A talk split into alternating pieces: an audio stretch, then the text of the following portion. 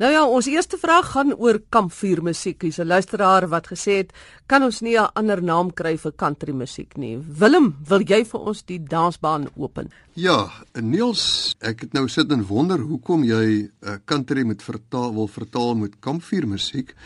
As ek dink aan country, dan dink ek aan strooibale en geruite hemde en hoede. En ek dink daar in die suide van Amerika Maar uh, ek kon dit nog nooit in verband bring met kampvuur musiek nie en ek het bietjie gaan lees oor country musiek. Baie interessant. Ehm um, dit het in 1920 rondom 1920 ontstaan. Uh ek kan nie 'n verband sien nie, maar selfs al sou hy 'n verband hê met kampvuur musiek iewers in die verre verlede, moet ons uh, verstaan dat dit 'n internasionale musiekterm is, net soos jazz en rock en folk of 'n dans soos die tango. Dit is internasionale woorde. Dit is 'n term wat internasionaal verstaan word en om verwarring te vermy gebruik jy hierdie een term. Afrikaans het ook sulke woorde. Uh, in die musiekwêreld kan ek nou net dink aan boere musiek, maar jy gaan nie dit vertaal uh met iets anders in Engels nie en dan algemene woorde soos biltong, stoepkoek, suster, bobotie, daai woorde is internasionale burgers en dit is maar so met 'n musiekterm uh, soos country ook. Voor ons verder gaan, kom ons luister net. Ons het die afgelope Sondag vir luisteraars gevra om net so 'n bietjie in te bel en te sê wat dink hulle van die country klanke storie. Kom ons hoor net wat 'n paar van hulle gesê het en dan gaan ons weer aan met ons taalnavraag. Ek dink julle moet dit noem swartlike prairie snikke. Maar ek het gedink mense moet dit in Afrikaans vlakte musiek noem. Die country musiek klink vir my altyd so of daai die vlakte uitkom. Ek wil voorstel dat ons die uh, woord hou. Uh, die rede daarvoor is dat uh, hy is al so ingeburger in ons taal en uh, ook, ons kan dit maar as 'n leenwoord beskou. Daar's tog baie ander leenwoorde in Afrikaans wat ons uit Engels en ander tale oorgeneem het. So hoekom nou nie uh country musiek bou nie? Ek het 'n voorstel vir country musiek. Hartsland musiek. Wat van kontrykklanke? Ek het gedink aan Bosveld musiek. Ek dink ons moet hom maar net so los by country musiek want anders gaan ons mos begin 'n Pieter met boere musiek na farmers music toe vervang. Ek voel country musiek moet country musiek bly. Dit gaan nie oor kampvuur musiek oor die of daai plekkie, dit gaan nie oor landelike musiek nie of oor kontry musiekie want dit gaan nie oor 'n sekere kontry nie. Dit gaan oor die hele wêreld. Ek voel ook dit moet country, dit moet country bly. Hoe by rede hoekom ek so sê is dat uh kyk jy die selle asem sê ek nou die woord as 'n mens praat van 'n cowboy. Het jy het die regte Afrikaanse woord vir cowboy wat 'n genuine cowboy nie, verstaan? So ek voel country moet country bly. Dit is tog 'n universal, universele musiek uh, uh genre, genre. Country musiek ontstaan in die Amerikaanse suide. En dit het 'n baie defini definitiewe samestelling waarby byvoorbeeld die woorde, die tipe instrument en wat ook al daarmee saamgaan, uh, ter sprake gebring word. Dit gaan dus baie moeilik wees om dit na Afrikaans te vertaal of om 'n naam te kry daarvoor. Ek sou sê dit moet bly country musiek. Daar dan sommer net so 'n paar luisteraars wat laat weet hoe hulle voel oor die naam country klanke. Ons gaan voort met ons taalnavraag. Frikkie tekste swart van Hermanus wil weet jy met jou kant bring, waar kom dit vandaan en dan ook goal, G O U L met 'n ja, hoofletter G. Hy sê daai uh, word uitgespreek as goal.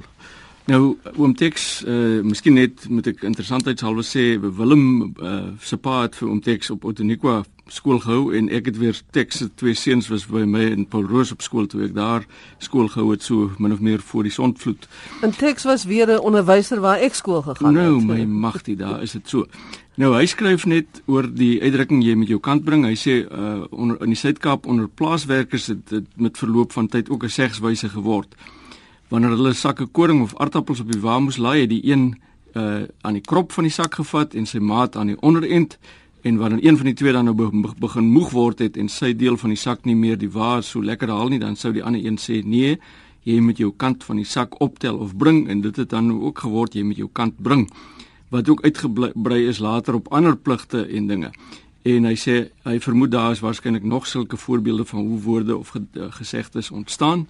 Nou om teks inderdaad uh die ou mense het dinge op 'n baie verfrissende manier gesien soos hulle het gesien as 'n jakkals byvoorbeeld weghardloop vir 'n klomp honde hoe hy draaie gooi en dan sit jakkals draaie gooi en dan het hulle dit oordragtelik jy weet begin toepas op mense wat ook allerlei jakkals draaie gooi. Uh ook die waar deur die drif trek wat letterlik was jy moes 'n waar deur 'n drif kry en dis altyd moeilik geweest en dan is dit uh figuurlik toegepas op iets wat wat 'n moeilike saak is wat jy moes moes hanteer. Oom Tex praat ook van uh Frikkie Rust wat 'n skoolhoof was op Vredendal en uh hy het op die plaas groot geword in die Swartland en hy sê die die plaasmense, die werkers het vir perde het hulle gesê goul, 'n goul is 'n perd. En hy het gewonder daaroor en toe uh toe hy Duits begin leer toe uh, gaan daar 'n liggie aan want die Duitsers sê vir 'n perd uh, natuurlik das pferd, das ros, maar ook der gaul. En baie van die plaaswerkers het juis op nabygeleë Duitse sendingstasies groot geword en hulle het hierdie gaul vervorm na goul toe. Iets wat ek sommer heel terloops toe teëgekom het toe ek begin kyk na hierdie gaul van die Duitsers is hulle sê hulle het 'n spreekwoord einem geschenkten gaul schaut man nicht ins maul. Met ander woorde presies wat ons het, moenie 'n gegeewe perd in die bek kyk in die Engelse don't look a gift horse in the mouth. En dit blyk dan dat die Germaanse tale soos Engels, Duits, Nederlands en Afrikaans meermale sulke uitdrukkings met mekaar gemeen het. Nou is 'n goue woord wat nou nog gebruik word. Man, ek weet nie of dit nou nog aktief daar in daardie omgewing gebruik word nie. Dit is uh, dit is nou dan 'n hele paar jaar gelede wat dit wat dit uh, uh gebruik is. Ons ons weet werklik nie. Nou al die toevalle nou nou die meneer Frikkie Rust of soos ons genoem het Papa Rust was 'n onderwyser waar ek skool gegaan het. My, so dit lyk my hierdie vraag het nou 'n hele klomp van ons bymekaar gebring. Dis prettig. Ja. Dan gaan ons weer terug na jou Willem Pietie Trout van die Parel vra na die betekenis van die woord twansie. Sy broer het in Appington skool gehou en dit daar gehoor en dit toe begin gebruik. Hy vermoed dit beteken om te breek. Kan jy vir hom help? Ja, ons het 'n hele paar uh, opgawes van twansie by die WAT, uh, ook vanaf veral van Kenhardt en Appington waarvan hy nou praat. Nou die betekenis wissel van iets so sterf tot by ingee tot by uitsak tot by eenvoudig opwees soos die gare is twansie. Die gare is op maar jy kry sulke voorbeeldsinne soos die vuur gaan twansie as jy nie nog hout opsit nie.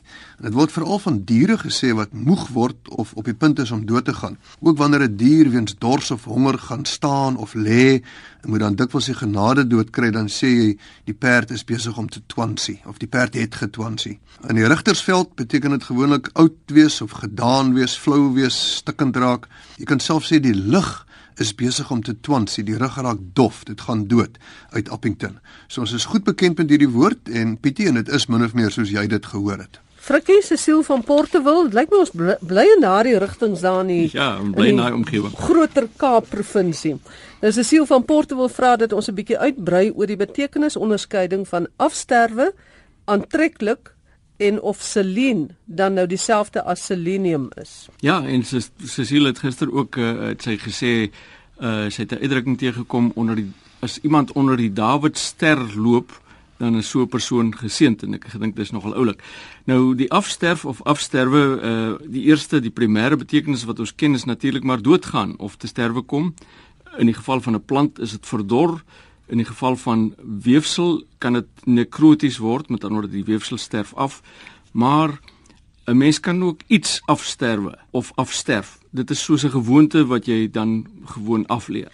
Aantreklik uh, in sy eerste primêre betekenis soos ons almal dit maar ken is natuurlik op 'n aangename manier bekoorlik wees, maar dit kan ook beteken lig geraak. Iemand wat hom dinge dis maklik aantrek is is 'n aantreklike vent, maar maar nie noodwendig 'n mooi vent nie. Nou Celine, uh, Cecile het gesê sy het gelees in 'n koerant van Celine en toe dink sy maar al wat sy op universiteit geleer het is selenium. Maar uh Celine word inderdaad deesdae gebruik uh Cecile en dit word bevestig deur die chemie woordeboek wat deur die vaktaalbureau saamgestel is reeds 'n hele paar jaar gelede. Dit is 'n chemiese element wat verwant is aan swavel en tellurium en wat in fotoselle gebruik word hoofsaaklik ook vir die maak van glas en in chemikalieë en pigmente word dit gebruik en is ook 'n belangrike spoorelement wat as 'n antioksidant kan optree. Willem hier is nou van die Parel af nog 'n vraag van Johan van der Kolf en hy het dit oor die woorde aanbeeld, aanby en aanborstig en hy sê al drie verwys na liggaamsdele van die mens. Kan dit wees dat die arm in al drie die woorde dieselfde beteken, maar nou weet ek nie Al drie verwys dan seker nie na liggaamsdele nie want 'n aanbeeld is nie 'n liggaamsdeel nie. Ja, Magdalene, ons kan nou nie help dat jy hoe staan 5 ehm um, biologie vergeet het nie. Mag In is. in die oor is daar 'n beentjie uh in die middeloor Ah. in die vorm van 'n aambeeld. Nou hoor ek. Nou eh, die die an- die breë antwoord is nee, hulle beteken nie almal dieselfde nie. Nou die aan van aambeeld eh, kom uit minder Nederlands A E N aan en dit beteken aanraking en die belt van aanbeld beteken uh, is weer afgelei van die werkwoord bullen met die ou betekenis van slaan. So daai aanbeeld het sy letterlike betekenis behou van die eysterblok met die voetstuk waarop jy slaan en is dan om op aanraking te slaan. Jy sit hom neer op daai eysterblok en dan slaan jy vir hom. Dan die die aamby kom ook uit Nederlands en ons weet dit is nou 'n swelsel spatare op 'n sensitiewe plek en dit is 'n samestelling van aam en by uit Nederlands. Die aam beteken pynlik en die by is eintlik 'n bessie, net soos moerby is 'n moerbessie. So aamby beteken letterlik 'n pynlike bessie. Dan kom ons by aamborstig. Nou aamborstig het twee betekenisse in Afrikaans. Eerste een is kort asem, kort van asem en die tweede een is eh, met slaim op die bors uh sodat jy aanhou hoes of keel skoonmaak. En daai tweede betekenis van slaim op die bors sê sodat jy aanhou hoes of keel skoonmaak het in Afrikaans self ontwikkel, maar die een van kort asem, daai aanborstig kom uit Nederlands en dit is sy herkoms wat ons kan kan navors. Dit kom uit aamborst en dit is 'n samentrekking van ademborst. Adem is dan natuurlik asem en daai borst in Middelnederlands het beteken gebrek. So ademborst beteken met 'n gebrek aan asem. So aanborstig se herkoms is dat aam is asem daarso en borstig is met 'n tekort, so dis 'n gebrek aan asem. Ja, daardie dag toe aanbeeld hanteer is in die biologie klas het ek stokkies gedraai. Ag jy was bietjie siek. Dis hoekom ek dit nie weet nie. Frikkie die skryn van skrynwerker, wat beteken dit? Ja, dit die vraag is gevra deur uh, Jan Gilome uh, van Stellenbosch en professor Gilome is ook een van die medewerkers of uh, van die adviseurs van die van die WAT. Hy het gewonder oor die skryn en skrynwerker, wat is dit nou eintlik? Nou, ons weet 'n skrynwerker is iemand wat professioneel houtwerk verrig en dan veral iemand wat 'n meubelmaker is.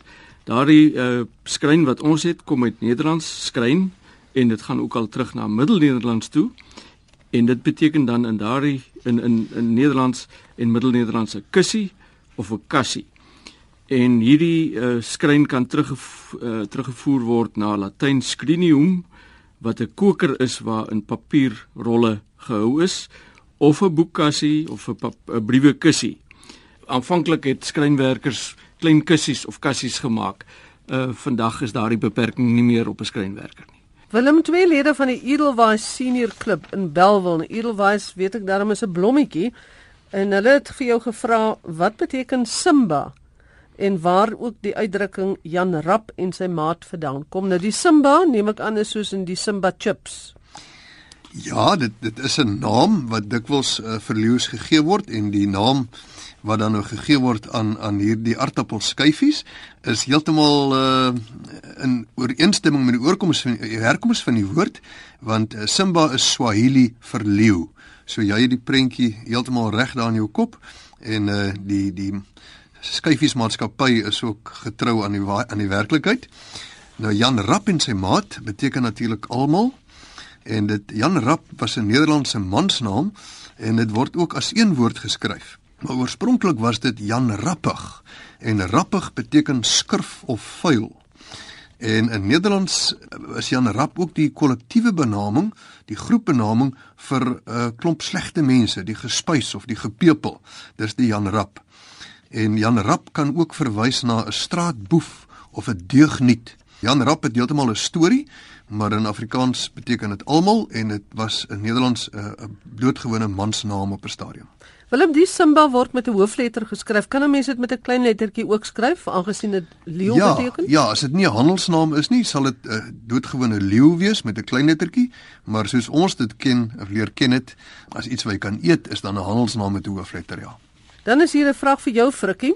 Nati van Vuren van Modimol wil hê ons moet gesels oor ver teenoor sover, streeks weervoorspelling se verbindings is en dan ook ek self teenoor myself. Ja, dokter Natie van Vuren het gevra hierna en dit is heel interessant as ons nou kyk na so ver twee woorde dan beteken dit min of meer by die punt of tot die graad byvoorbeeld 'n voorbeeldsin is so ver hy loop, stort hy water, so ver soos ek kan sien, dit is alles los en nou so iets soos so ver is ons nog nie. Ons is nog nie by daardie punt of tot daardie graad nie. So ver as die oog reik ensovoorts. Terwyl so ver een woord wat 'n bywoord is natuurlik en so verre 'n uh, sinoniem is en dit beteken eintlik normaalweg in die mate dat sover dit my betref of so ver moontlik met antwoorde in die mate wat dit moontlik is. En dan kry jy dit ook in sover ek weet na my wete beteken uh, omtrent wat daardie hele ou uh, stringetjie woorde is. Dan kom ons by streeks weer voorspelling. Hy vra of daardie s nou werklik uh, nodig is, daardie verbindingsklank of voegsel wat ons van praat. Nou streek neem nogal dikwels 'n verbindings s wanneer dit 'n samestelling vorm met 'n ander woord soos streeksadrikskunde, streeksbediening, streeksbeplanning, streeksdiensterade, streeksgebonde ensovoorts. Nou of 'n verbindingsklank by sekere samestellings voorkom hang af van bepaalde faktore, byvoorbeeld jou ouderdom, jou maatskaplike groepering of die streek waarin jy bly of groot geword het. Party mense praat byvoorbeeld van 'n doodkus, ander praat van doodskus, party van 'n badkamer, ander van 'n badskamer. En dan die kwessie van die self, ek self of myself of jouself of haarself.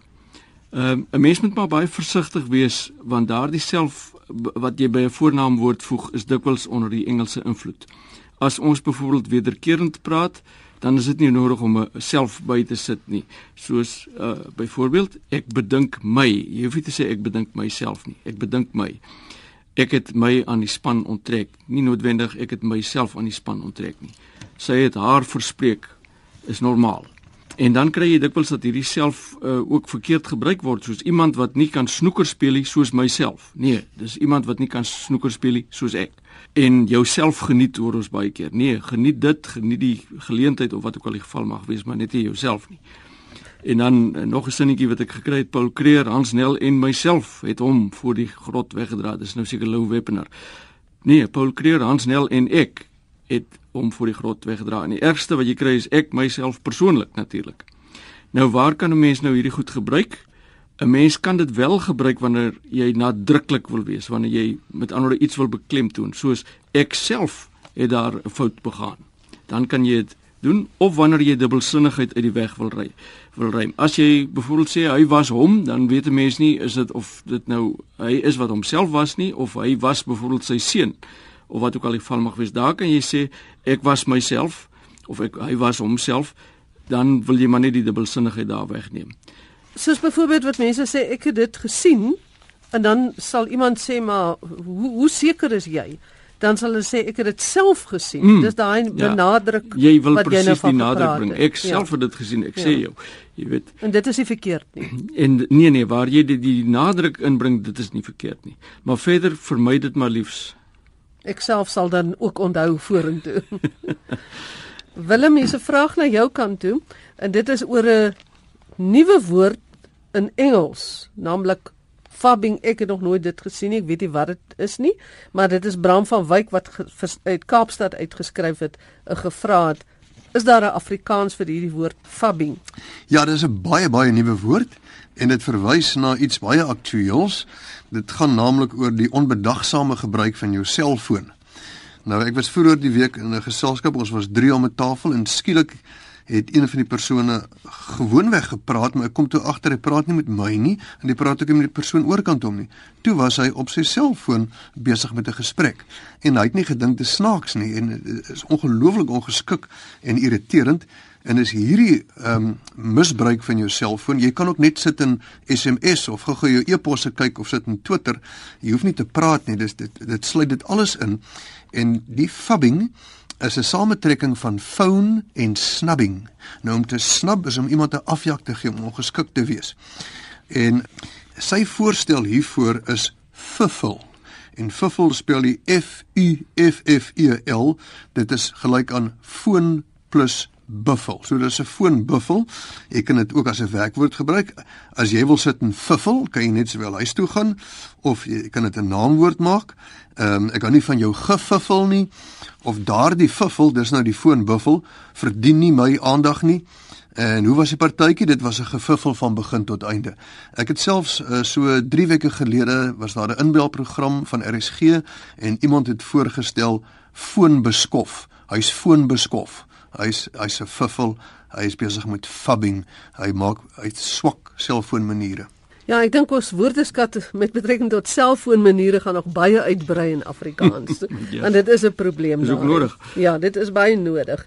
Ons sluit vandag af met die ander dalk. Dis nou nie julle nie, dis Elmarie van die kerk wat vra, wat is die Afrikaans vir ander dalk, Frikkie? Elmarie, ek het nou 'n bietjie gaan kyk wat maak tweetalige woordeboeke van ander dalk en dit is eintlik effens onbevredigend want jy kry verklaringe soos dis die persoon aan die kortste end, dis die leidende party, dis die verloorder of die die nie gunsteling. En ek het gedink ons moet dalk met uh, mense moet maar 'n bietjie met vindingryke woorde probeer vorendag kom. Ek het ook weier gaan kyk of iemand het my daarop gewys dat in Media 24 se argiewe lyk dit asof daar amper reeds besluit is dat ons ander dalk as 'n leenwoord gewoon moet gebruik want daar kom selfs uh forme voor soos die kings is die underdogs en jy kry homself in samestellings. Daardie span het underdog status of dit is 'n uh, underdog etiket wat om daardie man uh, gehang word omdat hy so dikwels verloor. Die soort van ding. Dit kan nie swart skaap wees nie, nee. Man die die swart skaap het dit kom naby, maar dit het nou ook 'n uh, negatiewe konnotasie anders as wat 'n ander dog nou het. Hmm. Uh die swart skaap van die familie is nou amper die uitgeworpene, jy weet wat want hy het iets verkeerds gedoen. 'n Ander dog hoef nou nie iets verkeerd te doen nie behalwe dat hy verloor. Hy's net hierdie gunsteling. Hy's net hierdie gunsteling nie. Ek het ook gedink aan iets soos wat naby kom is is 'n aspoestertjie, dis dan 'n as ons dit figuurlik gebruik dan is dit 'n saak of 'n beweging of dergelike wat afgeskeep word en as dit ware stiefmoederlik behandeling uh, stiefmoederlike behandeling ontvang, maar dis nie presies dit nie, maar dit soos ek sê, dit lyk vir my asof ander dalk reeds taamlik veld gewen het om net so in Afrikaans gebruik te word. Maar miskien kan iemand of van ons luisteraars tog met iets vindingryks vorendag kom. Ja, en ons hoor graag van julle as julle enige navrae het, stuur dit gerus aan Magdalene by rsg.co.za en ek stuur dit vir ons taalmanne aan en dan hanteer ons dit in 'n program vorentoe. Baie dankie Dr Willem Botha en Dr Frikkie Lombard vir vandag se antwoorde. Groete van my Magdalene Creer.